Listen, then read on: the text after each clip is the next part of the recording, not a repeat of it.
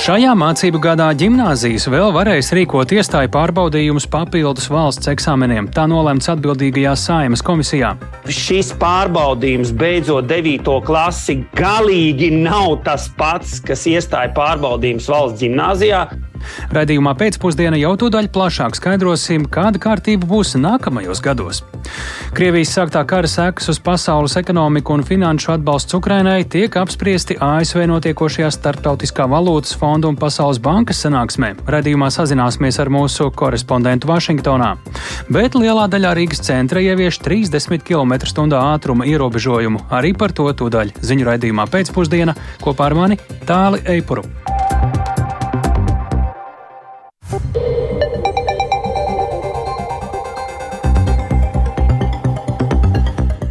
Pūkstens ir 16,5 minūtes, skan pēcpusdienas ziņu programma, skaidrojot šodien svarīgus notikumus. Studijā Tāls Eipors. Turpinoties Krievijas vispārējiem iebrukumam Ukrainā, aizsākušies procesi arestēto Krievijas valsts un tās oligarhiem piedarošo īpašumu konfiskācijai. Lai skaidrotu, kā Ukrāņiem ar to veicas, esam sazinājušies ar Latvijas radio korespondentu Ukrainā Indru Sprānci. Indra, lūdzu! Labdien! Jā, jau kopš pērnās vasaras, tas ir laikā, kad vispārējais iebrukums Ukrainā ritēja jau pilnā sparā. Ukrainā ir apzināti 905 Krievijas valsts iestādēm tieši vai pastarpināti piedaroši aktīvi Ukrainā. Tie ir ļoti dažādi, gan uzņēmumi, gan kapitāldeiz, gan arī, piemēram, vienkārši dzelzceļa vagoni, kā atsevišķas vienības, kas aizņem turpat pusi no šī saraksta. Tomēr, lai arī šāds saraksts ar šādiem Krievijas valstī tieši vai pastarpināti piedarošiem aktīviem ir sagatavots, šobrīd juridiski juridiskais process šo visu īpašumu nacionalizācijai tomēr vēl nav palaists uz priekšu, jo tiek ļoti rūpīgi vērtēt iespējamās juridiskās sekas šiem lēmumiem un kādu ietekmi tie varētu atstāt nākotnē pēc kara beigām. Taču tas, kur Ukraiņi virzās uz priekšu, ir saistīts ar sankcionēto personu aktīvu konfiskāciju caur tiesu. Un augstākā pretkorupcijas tiesa ir deleģēta skatīt jautājumus par sankcionēto personu īpašumu konfiskāciju un kopumā šādu personu Ukraiņu sarakstos ir ap 4000. Taču ne visiem ir īpašumi Ukrainā, un šobrīd Ukraiņi ir apzinājuši aptuveni 200 ar Krievijas pilsoņiem saistītas lielas kompānijas, tajā skaitā energoapgādes kompānijas uzņēmumu, kas saistīti ar dažādu derīgo izrakteņu ieguvu, kur Ukraiņu puse uzskata, ka varētu pierādīt īpašumu piedarību sankcionētajām personām. Un turpinājumā paklausīsimies mazu fragmentu no šo procesu uzraugošā analītiskā centra Watch vadītāja Gleba Kaņievska skaidrotā man intervijā. Сейчас весь этот бизнес в основном арестован, но еще не конфискован. Šobrīd viss šis bizness pārsvarā ir arestēts, bet vēl nav konfiscēts, jo patiesībā mums ir gandrīz pusotras desmit tiesas lēmumu par konfiskāciju. Piemēram, mēs esam konfiscējuši tādus lielus aktīvus kā tirdzniecības centrs Ocean Plaza, kas saistīts ar Rotenbergu ģimeni. Mēs esam konfiscējuši visus Deripaskas kombinātus Ukrainā, karjerus un Mikolaevas alumīnija rūpnīcu. Ļoti liels aktīvs.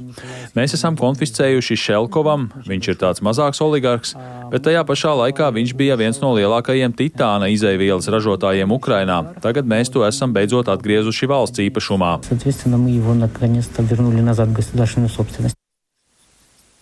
Jā, tad eh, šie īpašumi pamazām tiek konfiscēti ar tiesas lēmumiem un tikai sankcionētām personām. Šajā sankcionēto personu sarakstā nav tikai Krievijas varēja pietuvinātie, bet arī, piemēram, Ukraiņi, piemēram, nu, prokrieviskais politiķis Viktors Medvečuks un citi, kas tiek uzskatīts atbalstījuši Krievijas uh, iebrukumu vai sadarbojušies ar agresoru valsts pārstāvjiem. Jā, Indra, vai ar šiem jau konfiscētajiem un pēc tam realizētajiem vai vēl realizējamiem aktīviem varētu pietikt, lai kompensētu tos postījumus, milzīgos postījumus, ko Krievija ir nodarījusi savu iebrukumu laikā. Nē, ne tuvu, diemžēl. Ukrainas ģenerāla prokuratūra šobrīd ir apzinājusi, ka kopš Krievijas vispārējā iebrukuma sākuma Ukrainā ir iznīcināts vairāk nekā 74 tūkstoši dzīvojamās mājas, 500 uh, slimnīcas, ap 400 kultūras iestādēm un daudz mazāk objektu, nemaz nerunājot par enerģētikas infrastruktūru, ko Krievija mērķtiecīgi, mēs zinām, centusies iznīcināt visu šo laiku. Tas viss tagad ir savilkts kopā un kopējie nodarītie posti valstīm uz šo brīdi tiek lēsta ap 700 līdz 800 miljārdiem dolāru. Paklausīsimies fragment no Ukrainas prezidenta biroja pārstāvja Oleha Havroša vakar stāstītā preses konferencē, kas Kīvā šeit bija veltīta šim tematam.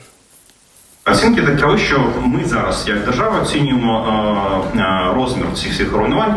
Aprēķini šobrīd ir tādi, ka mēs kā valsts esam novērtējuši Krievijas radītos postījumus 700 līdz 800 miljardu dolāru apjomā. Tā ir milzīga summa.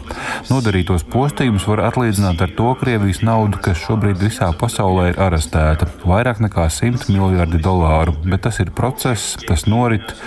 Ir apvienotā nācija rezolūcija. Virkne valstu ir pieņēmušas savus lēmumus līdzekļus, un mēs ceram šos līdzekļus atgūt 5 līdz 7 gadu laikā, sliktākajā gadījumā līdz 10 gadiem. Nu jā, un kā jau norādīja Ukrainas prezidenta oficiālā pārstāvja, te, šis te process, kurā Ukraina varētu tikt pie kaut kādas naudas no Krievijas valstī vai oligarhiem rietumos konfiscētās naudas, pirmkārt izskatās, ka varētu būt ļoti ilgs, un, bet otrkārt, pat ja izdotos konfiscēt visus Krievijas valstī un tās oligarhiem piederošos aktīvus, naudas visdrīzāk tāpat nepietiktu, lai kompensētu visu nodarīto postījumu. Tāpēc Ukraina jau tagad gatavojās, ka varētu būt tā, ka Ukraina vērsīsies tiesā pret Krieviju un šādā veidā mēģinās piedzīt nodarītos, zaudējum, nodarītos zaudējumus par šiem te milzīgajiem postījumiem. Skām paldies Indrai Sprāncei. Tiešraidē ar viņu sazinājāmies no Ukrainas. Tur aizsākušies procesi arestēto Krievijas valsts un tās oligarhiem piedarošo īpašumu konfiskācijai. Tieši seks notikumiem Ukrainā ir arī ekonomiskā situācija tepat pie mums Latvijā. Kāda tā ir, nu jau vairāk nekā gadu pēc Krievijas iebrukuma. Gada inflācija martā Latvijā ir samazinājusies līdz 17,3%.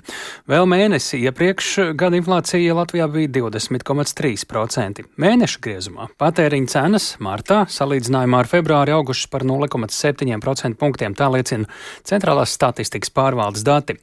Būtiskākā ietekme uz cenu līmeņa izmaiņām bija pārtikai, bezalkoholiskajiem dzērieniem, tur cenas vidēji augušas par 0,4% punktiem cenas nedaudz augušas arī dažādu preču un pakalpojumu grupā, alkohola un tabakas precēm un veselības aprūpē, bet cenas sarukušas par mājokli, transportu saistītām precēm un pakalpojumiem par aptuveni 0,1%. Pārtikai tātad cenas nedaudz kāpj, mājoklim, transportam nedaudz krīt, tā skaitā būtiski ar elektroenerģijai, lai analizētu, kur mēs esam ar inflāciju un patēriņu cenām. Fiskālās disciplīnas padomas loceklis Mārtiņš Aboliņš pie programmas pēcpusdienu klausulas. Labdien! Labdien!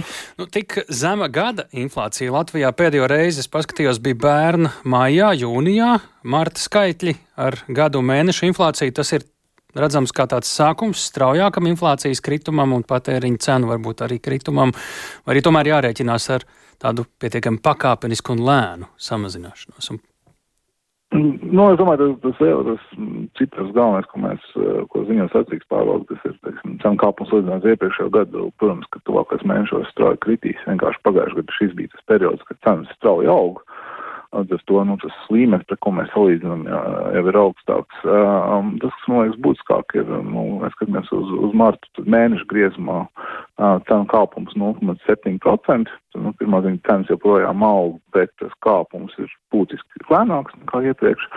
Un faktiski, nu, tas, tas mārts, uh, mēs līdzam, teiksim, neņemam vērā pagājušo gadu, bet pēdējos desmit gadus, nu, tad tāds vidēji tipisks uh, cenu kāpums marta mēnesim. Tur sezonāli par apģērbu kļūst dārgāk nāk pavasara sezonas iekšā, pārtika, dārzeņi, nu, tāds, tā, tāds diezgan tipisks marta mēnesis. Uh, bet, nu, teiksim, tā, ka mēs varam runāt par kaut kādu ļoti būtisku cenu samazinājumu, pagaidām tā nav. Uh, tas, kur mēs redzam cenu kritumus, ir uh, siltumenerģijai. Nu, tur mēs arī vairāk redzam presē paziņojums par dažādu tarifu pārskatīšanu.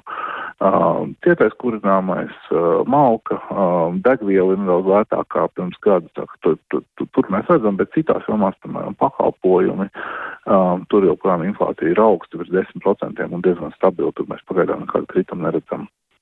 Jā, nu, salīdzinot ar iepriekšējiem mēnešiem, ar gadu pirms, tie skaitļi ir vieni, bet ja mēs paskatāmies tādās gala patēriņa cenās veikalu, plauktos pakalpojumiem un līdzīgi, ko, ar ko patērētājiem rēķināties turpmākajos mēnešos līdz ar to? Nu, nu, Pirmkārt, es domāju, tas, tas straujais cenu kāpums, kas mums bija pagājušā gada sākumā sākās un līdz gada beigām gāja, nu, tas, tas ir, es domāju, beidzies. Um, cenas turpina augt kaut kur un, un kaut kur samazinās, bet tas jau tāds stipri mierīgāks process. Um, nu, tas, kas, teiksim, man liekas, jau arvien grūtāk saprotams, mēs skatāmies uz pārtiks cenām, tad um, pārtiks cenas mums turpina augt. Uh, arī, arī martā uh, 1,7% pēc iepriekšējo mēnesi un gadu laikā vairāk kā 20%.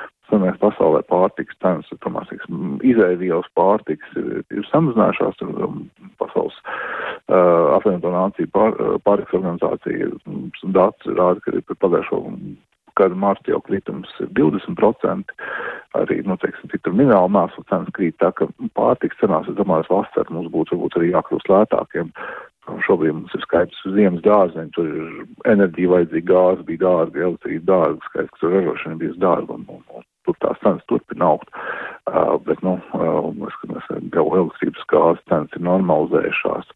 Es domāju, ka, teiksim, pārtiks cenas nu, būtu viena vien no, no jomām, kur arī vajadzētu būt kaut kādiem cenu samazinājumiem vasarā. Kas mums gada laikā ir noticis un kas tuvākā gada laikā varētu notikt ar tādu lietu kā atalgojuma līmenis? Te ir skaidrs, ka lielās inflācijas laikā atalgojums nekādi nespēja vidēji ķert cenu līmeņa izmaiņas. Kas varētu notikt uz priekšu? Ir cerības, ka tas varētu sākt ķert inflāciju vai pat nedaudz apsteigt, vai arī nav pārāk rožains skats šeit? Nu, drīzāk inflācija varētu samazināties, līdz ar to mm, tad atkal algas varētu augt ātrāk par cenām. Tas, ko mēs redzējām pagājušajā gadā, nu, faktiski, ka darba tirgu tādu lielu izmaiņu um, dēļ inflācijas nebija. Algu kāpums turpinājās ar 7-8%, pie kā mēs esam pieraduši arī šī gada sākums, um, mēs redzam, teiksim, mūsu klientu un dati vai arī, teiksim, mm, skatāmies valsts budžetā nodokļu ieņēmumu, no tāda kaut kāda liela pātrinājumu augu ziņā dēļ inflācijas uh, mēs redzēt nevaram.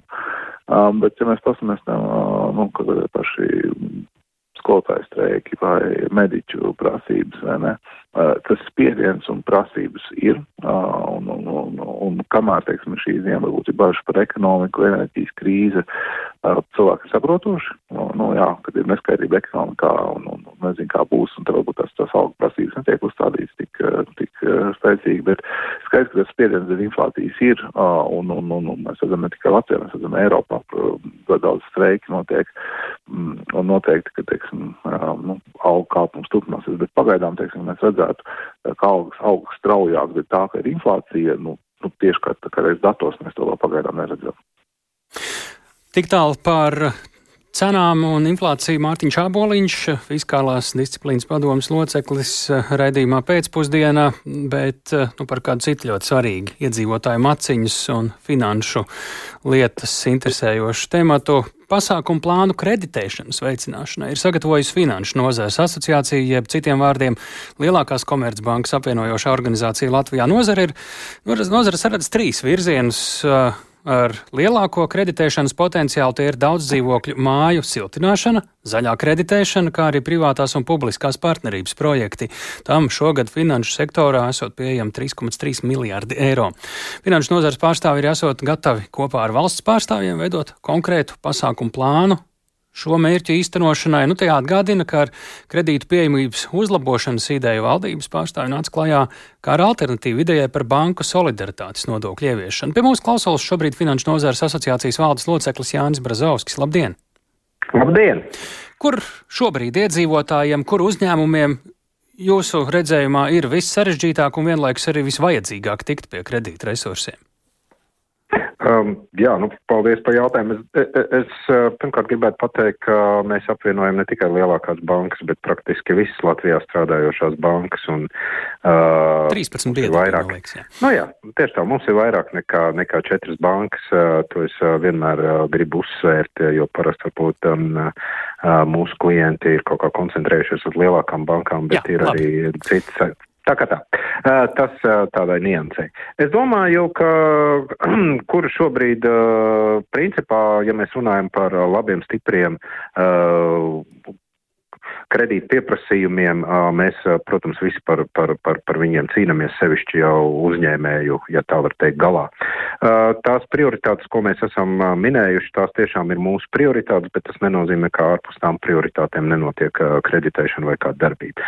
Bet mēs redzam, ka ir ārkārtīgi vitāli svarīgi tātad viss, kas ir saistīts ar, ar to transformāciju ar mūsu eksportspējīgiem uzņēmumiem, lai tie turpinātu būt eksportspējīgi un lai viņu mērogs un jauda būtu liela un ambicioza.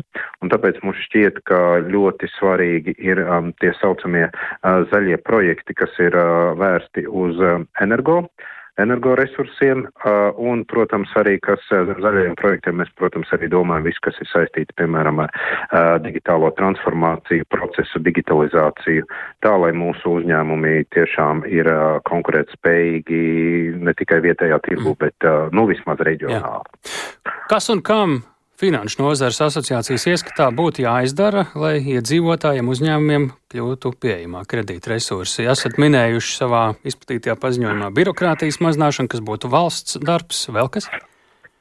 Uh, Pirmkārt, es gribētu teikt, ka visi šie pasākumi, kā jau jūs no sākuma teicāt, ka mēs esam vienojušies ar kolēģiem gan no Latvijas bankas, gan no Finanšu ministrijas, gan no ekonomikas ministrijas, gan arī, piemēram, no Rīgas pašvaldības, viss, ka ir, ir, ir, šeit ir komplekss risinājums. Te nav kaut kas tāds viens, ko var izdarīt vai no, vai no bankas, vai, vai valsts iestādes, Sauciet vai, vai piemērus, uzņēmumu. kas ir tie darāmie sarakstiņi? Da, darāmie, darāmie darbi mūsu prāt ir pirmkārt, ja mēs mēs runājam tieši par bankām, ko mēs esam gatavi darīt. Mēs esam gatavi, protams, paskatīties uz zaļajiem, zaļajiem projektiem. Plašā šī vārda nozīmē no tā ziņa, kā atvieglot šādu projektu izskatīšanu, skatīties arī par to, kā šie zaļie projekti, nu, ja tā var teikt, tiek cenoti tieši no, no procentu likmēm.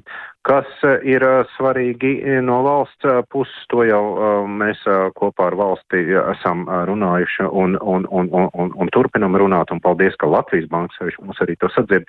Ir dažas tādas lietas, kas ir jāpamaina banku regulācijā, lai arī tās bankas, kuras, kuras ir mazāk nozīmīgas nekā, piemēram, četras lielākās bankas, aktīvāk varētu iesaistīties, piemēram, dažādu komercobjektu finansēšanā. Tur mēs arī strādājam pie tā, mm. ka slavenie dažādas prasības par to, kas jau te ir izskanējuši, kas ir jābalsta vairāk riskos un risku novērtējumā. Tas ir viss, kas ir saistīts ar naudas atmazgāšanas novēršanu, sankciju apiešanu. Tā kā šīs ir tās pirmās, pirmās lietas, ar kurām, ar kurām ir jāstrādā. Un, protams, laikam tādas, kuras ir konsekventi jādara un, un visu laiku ir jādara, Tās ir divas tādas lietas kā ēna ekonomikas mazināšana un arī, protams, tādas lietas kā, kā korupcijas apkarošana un vispār finanšu noziegumu kā tāda apkarošana. Par šo vēl detaļās esmu pārliecināts. Runāsim uz priekšu. Paldies Jānim Brazauskim, Finanšu nozares asociācijas valdes loceklim. Turpinām par. Paldies. Turpinām mēs atgriežoties gan pie finanšu, gan pie Ukrainas tematikas. Krievijas sāktā kara sekas uz pasaules ekonomiku un finanšu atbalsts Ukrainai šonedēļ tiek apspriesti Vašingtonā, Startautiskā valūtas fonda un Pasaules bankas pavasara sanāksmē. Karš Ukrainā ir ietekmējis arī valstis, kas atrodas tālu no Eiropas, turklāt pasaules ekonomikas izaugsmas prognozes joprojām ir vājas un diezgan neskaidras. Vašingtonā atrodas arī mūsu korespondents Arķums Konohaus, ar viņu esam sazinājušies tiešraidē. Labdien, Arķum, cik tad?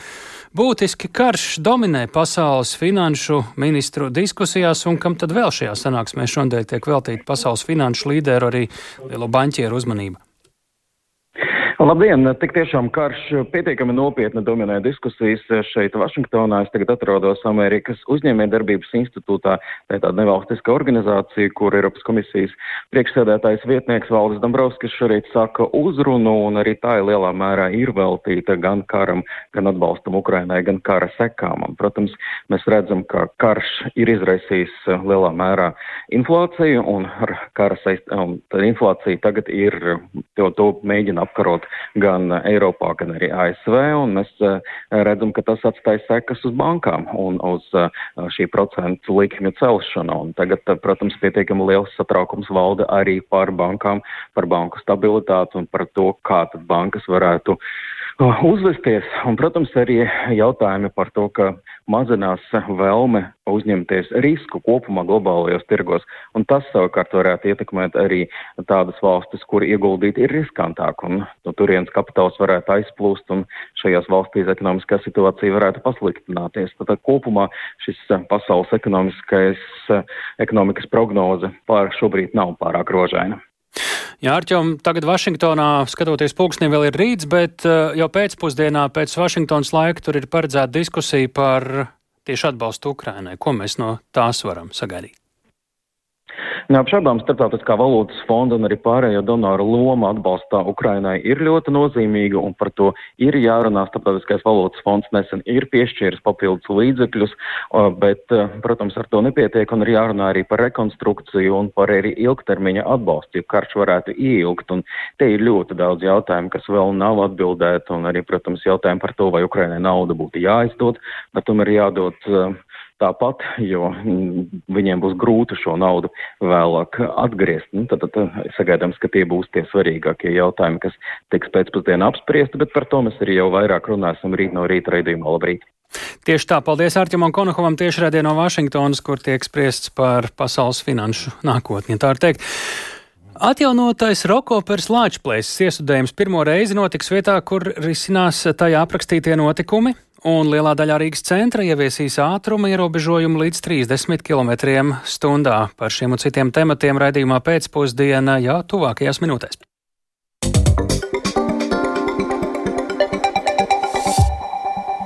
Šajā mācību gadā gimnāzijas vēl varēs rīkot iestāju pārbaudījumus papildus valsts eksāmeniem. Tā ir vienojusies Saimas izglītības, kultūras un zinātnes komisija. Gala lēmumu par to gan vēl jāpieņem Saimai aprīļa otrajā pusē. Kāpēc tā? Un kādus lēmumus šajā jautājumā varam sagaidīt par turpmākajiem gadiem? Vairāk Jāņa Kīņša ierakstā. Ar grozījumiem vispārējās izglītības likumā šovasar ģimnāzijām nelieks topošajiem desmito klašu ģimnāzistiem rīkot iestāju pārbaudījumus. Izglītības un zinātnes ministrija šādus grozījumus plānoja no nākamā mācību gada, lai veidotu vienotu pieeju uzņemšanai vidējās izglītības programmā gan vidusskolās, gan valsts ģimnāzijās. Turpina ministrijas parlamentārais sekretārs Kārlis Strautiņš. Jo vēsturiski, tad beidzot 9. klasi, centralizēts eksāmenis bija tikai mazākuma tautību skolēniem latviešu valodā valodā. Šajā gadā nākuši klāt ir centralizētais eksāmenis matemātikā, latviešu valodā un svešu valodā, kas iepriekš nav bijis. Līdz šim bija tā, ka skolēns pabeidz mazākuma tautību programmu, nokārtojas eksāmenu, lai skolas nerīkot vēl vienreiz iestāju pārbaudījumu latviešu valodas zināšanās. Šobrīd, nākot klāt jauniem eksāmeniem, vecā norma bojā šo sistēmu padara nepareizi. Nozars ministrija pēc šopavasar notikušajiem pārbaudījumiem salīdzinās gūtos datus par centralizēto eksāmenu un ģimnāziju, kā arī atsevišķu skolu iestāju pārbaudījumiem nākamajiem desmitklasniekiem. Pēc tam līdz gada beigām varētu nolemt, vai iestāju pārbaudījumus ģimnāzijās saglabāt, uzsvēra valsts izglītības satura centra vadītāja Liene Voroņenko. Vienkārši ir jāsagaida šie rezultāti, lai pieņemtu tādu saprātīgu lēmumu, jo jāsaprot, ka divu sistēmu uzturēšana, kas dublē rezultātus, ir ļoti cilvēku resursu patērējoša, pēc būtības tieši pedagoģu resursu patērējoša. Centralizētie valsts pārbaudījumi un iestāja pārbaudījumi gimnāzijās ir divas absolūti dažādas lietas. Tā savukārt argumentēja izglītības iestāžu vadītāju asociācijas vadītājs Rudolfs Kalvāns, kurš ir arī Siguldas valsts gimnāzijas direktors. Valsts gimnāziju direktori ir arī ļoti jaudīgi nacionāla līmeņa metodiķi, tā skaitā Eh, matemātikas centralizētā eksāmena autori, kuru, es domāju, ļoti vienkārši un skaidri pausts atzinums, ka šis pārbaudījums beidzot 9. klasi galīgi nav tas pats, kas iestāja pārbaudījums valsts gimnāzijā. Specifiski mērķēti iestāja pārbaudījumi dažādos eh, paaugstinātos līmeņos, un mēs viņus nekad nesavienosim. Kāds tad būs zaudētājs? Komisijas deputāti vienojās no vispārējās izglītības likuma grozījumiem izslēgt sadaļu par centrālajiem eksāmeniem un iestāju pārbaudījumiem, tos uzdodot izglītības un zinātnes ministrijai līdz nākamajai nedēļai iesniegt komisijai alternatīvā likumprojektā. Saimā to varētu izskatīt un pātrinātā kārtībā pieņemt jau nākamnedēļ. Jānis Kincis, Latvijas Radio. Lai apmācītu tieslietu nozares profesionāļus, pēc aptuveni pusotra gada darbu kā tālāk izglītības iestāde sāks īpašs mācību centrs jeb Tieslietu akadēmija. Tās projekts atklāts jau šodien. Iecerēts, ka Tieslietu akadēmijā varēs apmācīt arī tiesnešu amata kandidātus, ko šobrīd nereti ir grūti atrast. Par to ar kādām cerībām jomas pārstāvji raugās uz Tieslietu akadēmiju. Plašāk Lindas Spundiņas ierakstā. Ar svinīgām un cerību pilnām uzrunām Tieslietu ministrijā šodien atklāja Tieslietu akadēmijas projektu. Tas paredz izveidot vienotu tiesnešu, tiesu darbinieku, prokuroru, prokuroru palīgu un izmeklētāju kvalifikācijas pilnveidas mācību centru jeb Tieslietu akadēmiju. Plānots, ka akadēmija darbu sāks 2025. gadā. Tās uzdevums būs nodrošināt tiesu sistēmas profesionāļu zināšanu un prasmu pilnveidi. Tieslietu ministra Inese Lībiņa Egnera no jaunās vienotības teica, ka jurists, gluži kā mediķis, ir jāsaist ar mūža izglītību. Runa nav tikai par tālāku apmācību. Ambīcijas ir drusku lielākas. Ambīcijas ir tādas, ka vajadzētu apmācīt arī tos cilvēkus, kuri taisās kandidēt uz tiesnešu amatu. Jo, kā rāda Tieslietu padomas pieredze, ir grūti atrast pietiekami sagatavotus kandidātus. Norāda augstākās tiesas priekšsādātājs Aigars Strupišs. Viņš cer, ka akadēmija uzlabos tiesu efektivitāti.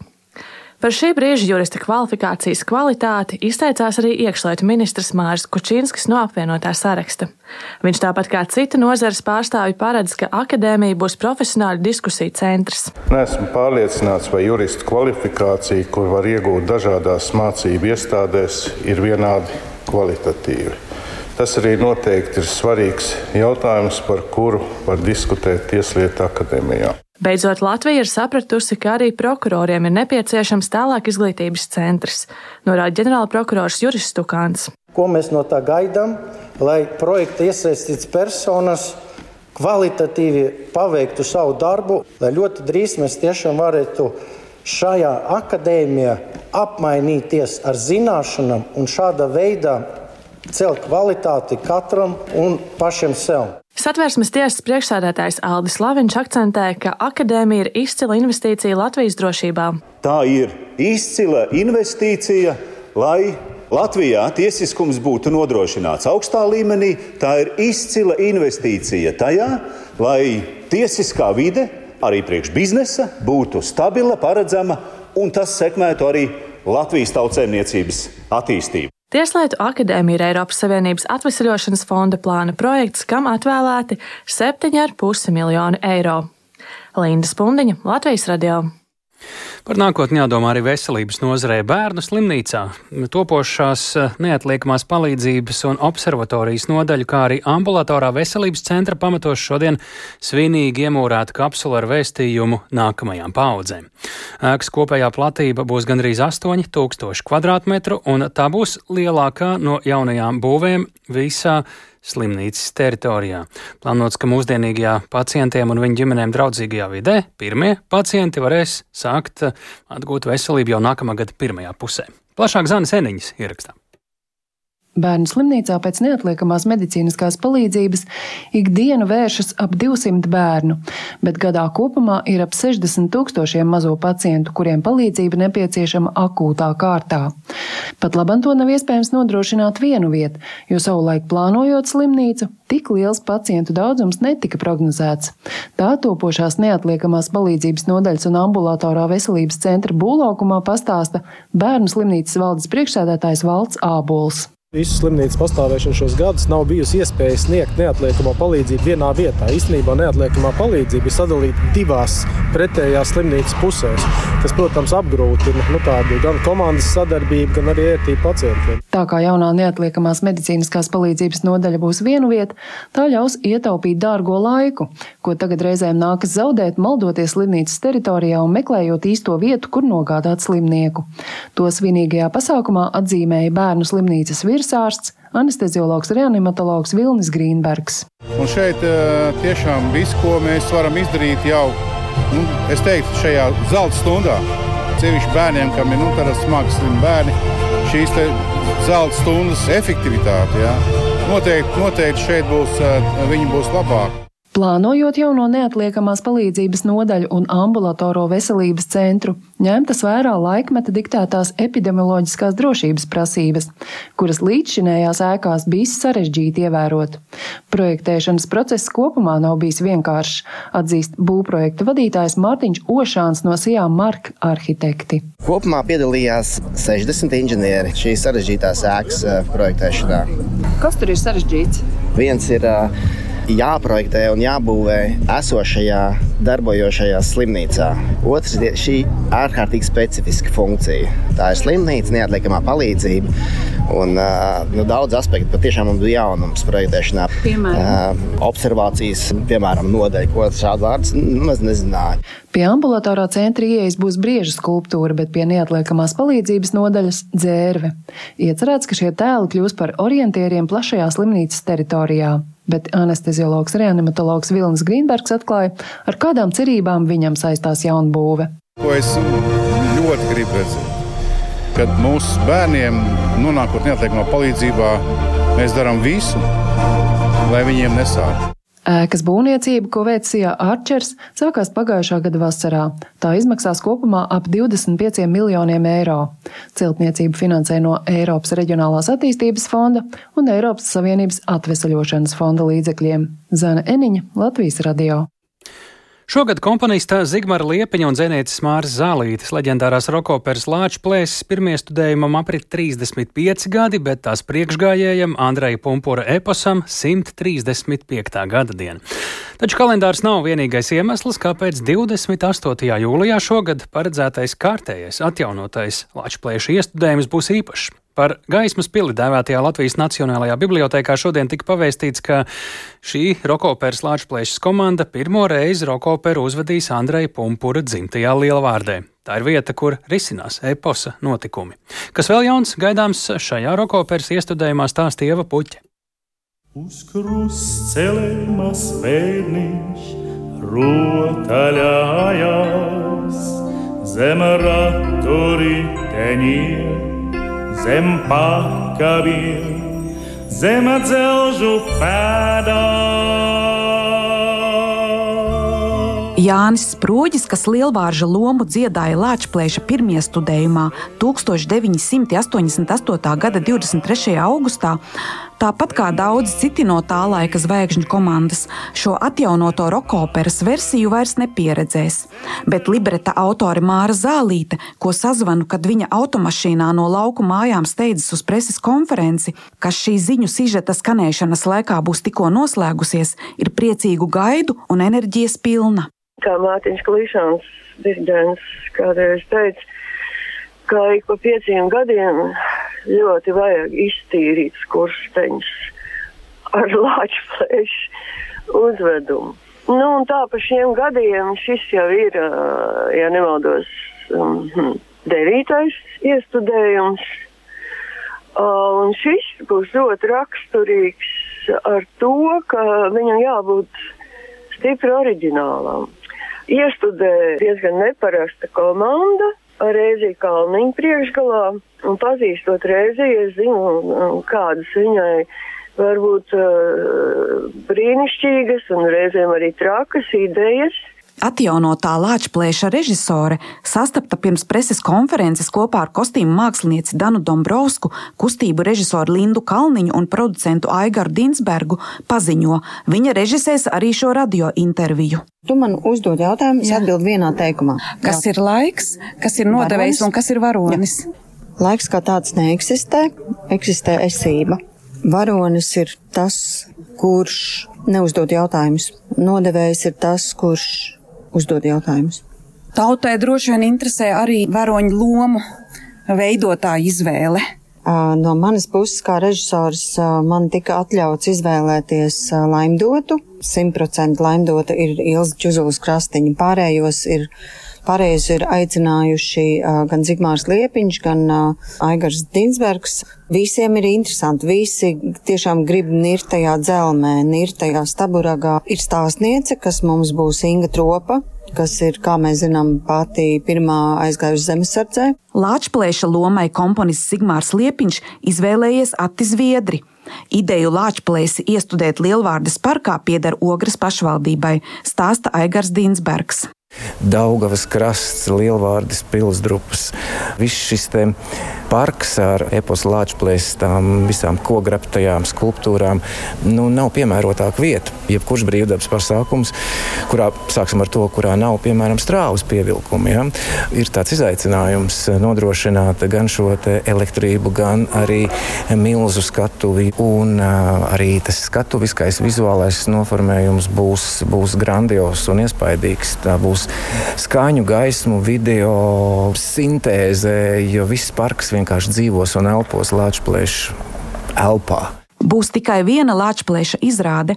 Tā 28. jūlijā sāksies 10. vakarā un beigsies pēc pusnakts. Tāpēc šobrīd notiek diskusijas par papildus vilciena reisu atceļā uz Rīgu. Lielvārdas parks var uzņemt 4,5 līdz 5 tūkstošu skatītāju. Lāčplēša biļetes jau nedēļu ir nopērkamas. Ieva Puķa, Latvijas radio. 30 km/h ātruma ierobežojums Rīgas centrā. Tādu sāk ieviest tieši šonadēļ. Tas gan neatieksies uz visu pilsētas centru, bet uz noteiktu zonu starp Čaka, Brīvības, Tallinas un Merķeļa ielu. Lai viestu skaidrību par šīm pārmaiņām, īsumā esam uz īsu sarunu sazinājušies ar Rudīti Reveliņu, Rīgas domas satiksmes departamenta satiksmes organizācijas un projektu vadības pārvaldes priekšnieci. Labdien! Labdien! Dažos vārdos, kāds ir mērķis? Tātad, jebkurā gadījumā es gribētu sākt ar to, ka e, šis te e, satiksmes drošība, tas ir pirmais un galvenais Rīgas pilsētas satiksmes organizācijā. Un ja mēs runājam par šobrīd e, paredzēto šī 30 km stundā ātruma ierobežošanas zonu, tad, kā jau jūs minējāt, šajās ielās, ko jūs nosaucāt, brīvības, Tallinas, Čaka, Marijas un Merķeļiela, tajās tiek saglabāts piemērots ātruma ierobežojums, kāds ir pilsētā noteiktais 50 km stundā. Bet šajā te teritorijā, kas ir e, starp šīm te nosauktajām ielām, pieņemsim kā Bruņinieka iela, Stabu iela, Blaumaņa iela, tur tiek noteikts šis ātruma ierobežojums 30 km stundā. Un e, ieviešot e, šādas te teritorijas Rīgas pilsētā, tiek ņemti vērā vairāki satiksmes drošību ietekmējošie faktori faktori. Pirmām kārtām tā jau ir e, šī ielu pārblīvētība gan ar stāvošu transportu, gan šis te brauktuvju un ielu ietvju platums, kāds ir e, mūsu pilsētas ielās. Vēl viens svarīgs apstākļus ir izglītības iestāžu esamība, krustojumu un līkumu pārredzamība. Šie faktori, Kā ko jūs arī... tagad nosaucāt, e, un noteikti ir vēl faktori, kur dēļ tas ir svarīgi, nu, Tie jau šo kustību ir pietiekami lēnu padarījuši. Luksfori, segums, sabiedriskais transports un tā tālāk. Šajā brīdī kāda ir mērījuma, cik līdz šim tur bija vidējais ātrums? Nu, es laikam šajā mirklī nepateikšu konkrēti par, eh, daža, par, par visām ielām, bet eh, mums ir eh, bijušas situācijas, kur ir pat, varētu teikt, šis te ātrums ir tāds, kāds ir pilsētā noteiktais pat 50 km stundā. Jo, Un, cilvēki, kuri komentē šo sociālajos tīklos, saka, ka tur jau ir apmēram 30 cilvēki. Nu, nevar ātrāk pabraukt īsti. Kāds ir mērķis to fiksēt tieši šo ātrumu? Es domāju, ka, eh, ja mēs skatāmies tīri, ja no pilsētas eh, attīstības eh, plānošanas dokumentiem, tātad pirmais un galvenais ir mūsu pilsētā gājējs, tad ir velobraucējs, tad ir sabiedriskais transports un, un, un, un pārējie satiksmes dalībnieki, bet šie te manis minētie aspekti, tie ir paši galvenie un svarīgākie, ja lai šīs te 30 km ātruma ierobežojuma zonas ieviest. Un tas arī ir e, jau sākts darīt no 2020. gada, kad šādu zonu mēs ierīkojām apka, Āgenskalna apkaimē. 21. E, gadā viņa tika ieviesta Grīziņkalna apkaimē un divās vietās klusā centra apkaimē. Pagājušajā gadā tādu mēs e, ievēr, ierīkojām Čiekurkalna apkaimē. Un šogad arī jau gada sākumā ir ieviesta šie ierobežojumi upes ciemata ielas posmā no Rīgas robežas līdz Berķielai. Īsumā. Katrā gadījumā mums arī ir dots norādījums mūsu gan kontrolas dienestam, gan arī esam aicinājuši valsts policijas, ceļu policijas bataljona ekipāžas pievērst šīm te noteiktajām izmaiņām vērību, iekļaut šajos viņu apgaitas izbraukuma maršrutos, lai ievērotu šos nosacījumus. Un, protams, mēs aicinām visus transporta līdzekļu vadītājus -hmm. būt vērīgiem un ņemt vērā šīs jaunās satiksmes organizācijas izmaiņas. Paldies par sarunu. To mēs sakām Rudītē Reveliņai, Rīgas domas satiksmes departamenta satiksmes organizācijas un projektu vadības pārvaldes priekšniecei. Šis bija ziņu raidījums pēcpusdienā. To veidoja Tāla Seipurs, Ilza Aginta, Uldis Grimbergs, Iveta Zvejniece. Mēs tiekamies arī rīt, kā jau katru darba dienu. Klausieties mūs arī Latvijas radio mobilajā lietotnē, meklējot dienas ziņas. yeah.